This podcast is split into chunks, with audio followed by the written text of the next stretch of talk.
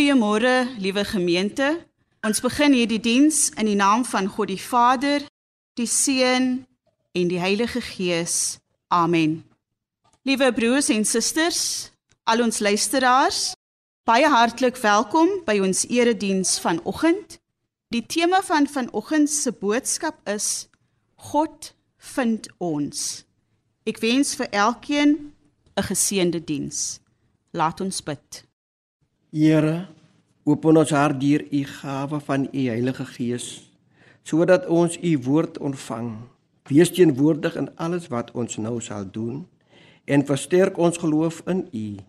Liewe Heer, ons hemelse Vader, gee in u genade dat hierdie diens mag plaasvind tot u eer, tot opbouing van die gemeente en tot my heil. Amen.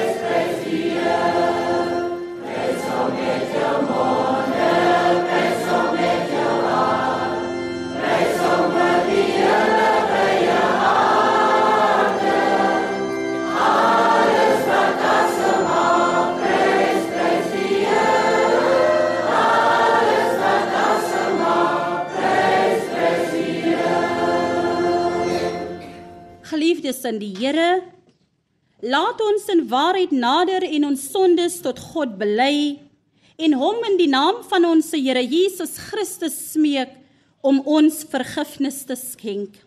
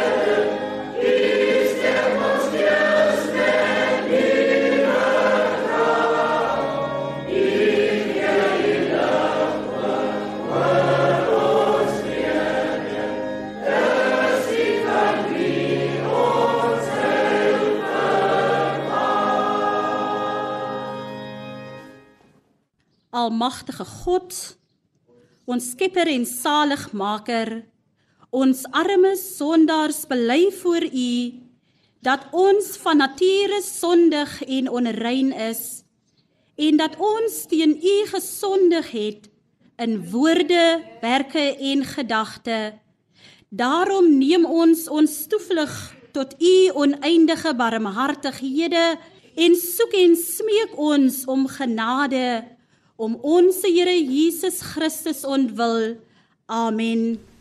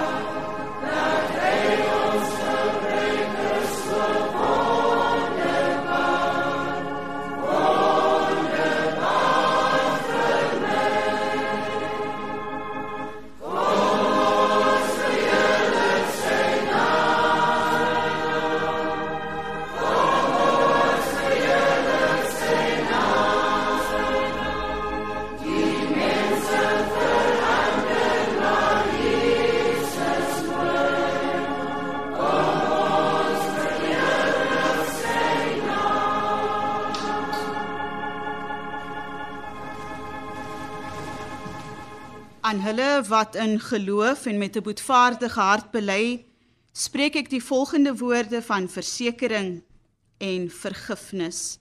Die almagtige en genadige God skenk aan ons omdat ons boetvaardig is, vergifnis en kwytskelding van al ons sondes, tyd en geleentheid om ons lewens te verbeter en die genade en troos van die Heilige Gees in die naam van God die Vader, die Seun en die Heilige Gees. Amen.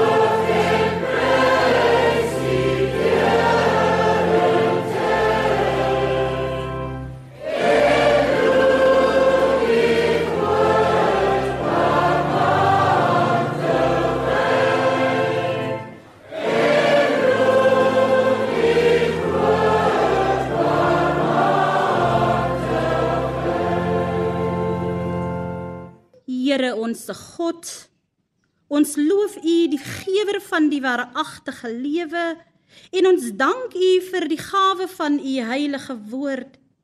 Ons bid U, verwerf vir U 'n gehoorsame volk hier en in die hele wêreld en laat die vrug van U woord groei tot in ewigheid deur ons Here Jesus Christus, U seun wat met U en die Heilige Gees een waaragtige God leef en regeer tot in alle ewigheid. Amen. Die Ou Testament lesing sal nou gedoen word uit Amos 5. Amos 5 vers 18 tot 24. Die dag van die Here bring donker. Elende wag vir die wat smag na die dag van die Here. Waarom verlang julle na die dag van die Here? Dit sal donker bring, nie lig nie. Dit sal wees soos wanneer iemand vir 'n leeu vlug en 'n boer val hom aan. Of soos wanneer iemand tuis kom en hy leun met sy hand teen die muur en 'n slang pik hom. Die dag van die Here bring donker, nie lig nie. Net duisternis, nie 'n ligstraal nie. Ek haat, ek verafsie julle feeste. Ek het niks aan julle feestydde nie. Al bring julle vir my brandoffers en graanoffers, Dit is nie vir my aanneemlik nie. En ek kyk nie eens na julle maaltyd offers van vetgevoerde kalwers nie. Gee pad voor my met die remoer van julle gesing. Ek wil nie jou harps musiek hoor nie, maar laat die reg en geregtigheid te verskyn kom. Laat dit aanrol soos watergolwe, so standhoudende stroom. Moes julle vir my die 40 jaar in die woestyn dieroffers en graanoffers bring, Israel? Julle sal julle koning Sikut en julle afgodsbeeld kuien, die sterk gode wat julle vir julle gemaak het, moet dra. Wanneer ek julle in ballingskap laat wegvoer verby Damaskus verby, sê die Here, sy naam is almagtige God. Dit is die woord van God. Dank aan U o God.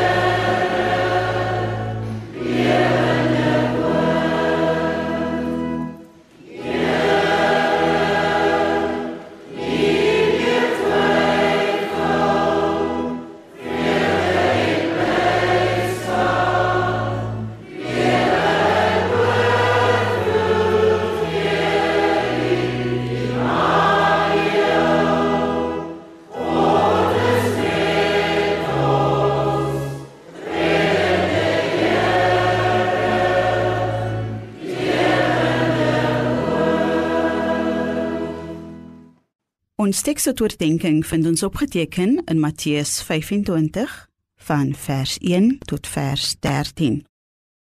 Dan sal dit met die koninkryk van die hemel gaan soos met 10 meisies wat hulle lampe gevat het om die bruidegom te gaan inwag. Vyf van hulle was onverstandig en vyf verstandig. Die onverstandiges het hulle lampe gevat, maar nie ekstra olie met hulle saamgevat nie terwyl die verstandiges saam met hulle lampe ook nog olieinhouers gevat het. Toe die bruidegom lank wegbly, het hulle almal vaag geword en aan die slaap geraak.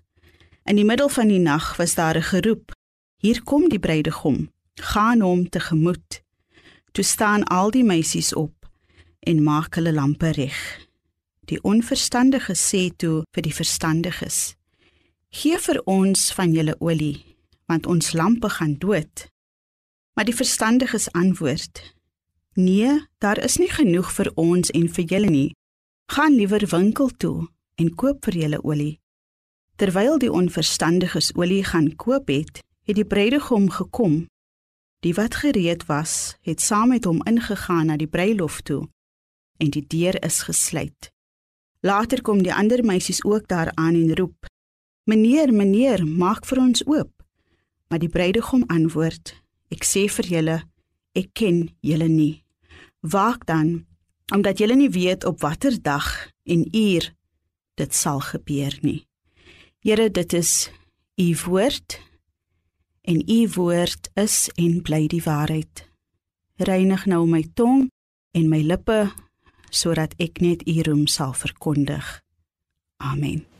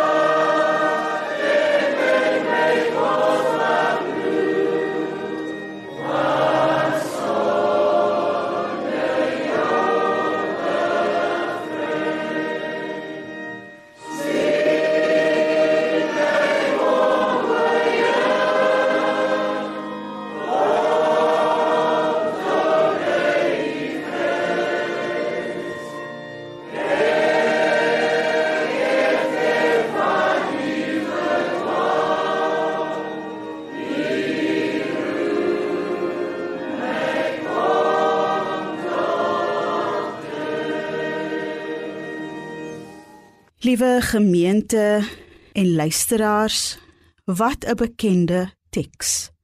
Dit is so gepas vir hierdie tyd van die jaar wanneer ons gereed maak vir Advent. Advent beteken die koms van Christus.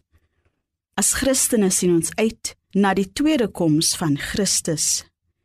En hierdie tyd van die jaar, eintlik daagliks, word ons herinner om onsself voor te berei om ons harte gereed te maak vir sy koms. Juis omdat ons nie weet op watter dag en uur dit sal gebeur nie. Hierdie boodskap klink ernstig en dringend. Nou broers en susters, gewoonlik as ons hoor van die bruidegom, dan dink ons onmiddellik aan Jesus Christus wat sy bruid sal kom haal. En die bruid is die kerk. In vanoggend se evangelie lesing pas hierdie beeld van die bruidegom glad nie vir my by Jesus nie. Ek sal nou verduidelik hoekom ek so sê. Hoe pas hierdie beeld van die bruidegom by die Jesus wat die 5000 gevoed het en niemand weggestuur het nie? Hoe pas hierdie beeld van die bruidegom by die goeie herder wat die 99 in die bergveld laat staan en die een wat verlore is gaan soek? Hoe pas hierdie beeld by Jesus wat sê: "Laat die een van julle wat sonder sonde is, die eerste klip op haar gooi." Of die storie van die verlore seun wat die pa met oop arms wag vir sy seun. Hoe bring ons hierdie beeld van die bruidegom in vandag se teks bymekaar met Jesus wat vir die misdadiger wat ook saam met hom gekruisig was, gesê het: Ek verseker jou, vandag sal jy saam met my in die paradys wees. En vanoggend kan ek dink aan baie ander voorbeelde. As ons na hierdie teks kyk, spesifiek in Matteus 24 vers 3, gaan sit Jesus op die Olyfberg en sy disippels gaan na hom en vra: "Sê vir ons, wanneer sal hierdie dinge gebeur?" En wat sal die teken van u koms en die einde van hierdie wêreld wees? En daarna waarsku Jesus hulle. Hy begin om hulle te vertel van die groot verdrukking en die toestand van sy kerk op aarde wanneer hy weer sal kom. So hierdie gesprek was tussen Jesus en sy disippels. Diegene wat sy kerk op aarde sou stig. Jesus waarsku sy disippels teen godsdienstleiers wat nie vir Jesus as Messias aanvaar het nie en Jesus se volgelinge as vyande of 'n rebelse groep beskou het. Hierdie Joodse godsdienstleiers wat nie vir Jesus wou aanvaar nie, het Jesus se volgelinge weggewys van die sinagoge af. Hulle dikwels die deur vir hulle toegemaak. Mense was geoordeel volgens hul goeie werke Matteus skryf hierdie gedeelte juis omdat dit in sy tyd gebeur het. Jesus wou hê sy disippels moes 'n boodskap van verlossing verkondig en 'n boodskap van genade. Jesus wou hê sy disippels moes 'n boodskap verkondig wat sê hy het alreeds die prys betaal. En as hy weer kom, nodig hy nie my lamp nie, want in elk geval is hy die lig van die wêreld. Hierdie gelykenis gaan nie eintlik oor hoeveel olie in die lamp is nie, maar eintlik dat ons nooit moet ophou wag op sy koms nie. Ons moet nie ophou glo dat hy weer sal kom nie, al word dit ook donker rondom ons. Also storms woed en golwe bruis aan elke kant. Hy vind ons. En as hy ons vind, is ons nooit weer dieselfde nie. Liewe broers en susters, luisteraars, vanoggend se teks leer ons dat terwyl ons wag, moet ons nie ophou om goed te doen nie. Ons moet nie ophou om gasvryheid aan ons naaste te betoon nie en om mekaar lief te hê. Ons kan nie niks doen terwyl ons wag nie, want ook ons is sy kerk op aarde. In Johannes 10 vers 7 en vers 9 sê Jesus so mooi: Ek is die deur van die skape. Ek is die deur, as iemand deur my ingaan, sal hy gered word. En hy sal ingaan en uitgaan en veiding vind. Hierdie teks bevestig ook dat die bruidegom in Matteus 25:1 tot 13 nie Jesus is nie. Liewe broers en susters, vanoggend se teks is baie duidelik. God vind ons. Wanneer hy weer kom, sal hy belangstel in die inhoud van my hart, nie my goeie werke nie. Wanneer hy weer kom, wil hy weet of ek my naaste liefgehad het soos myself en of ek 'n vredemaker was en of ek barmhartigheid bewys het aan my naaste. Liewe luisteraars, die gedeelte wat sê waak dan omdat jy nie weet op watter dag en uur dit sal gebeur nie. Ja, dit is nog steeds dringend en baie belangrik. Mag God ons wagtend vind. Mag die woord van God tot elkeen van ons harte spreek. Mag die woord van God ons opnuut verander en mag ons nooit vergeet ons dien 'n God wat ons vind ook in die donkerste nag. Hoe sal ek u na waarde ontvang en reg ontmoet? En by u koms op aarde my koning u begroet. O Jesus, my verlange, verlig my deur die Gees en help dat my gesange u kan behaaglik wees. Amen. En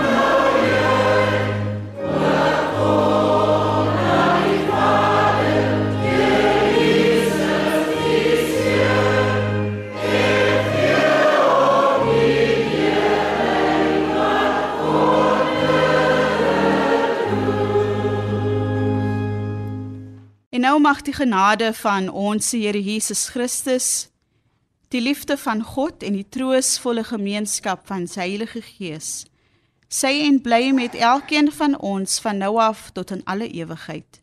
In die naam van God die Vader, die Seun en die Heilige Gees. Amen.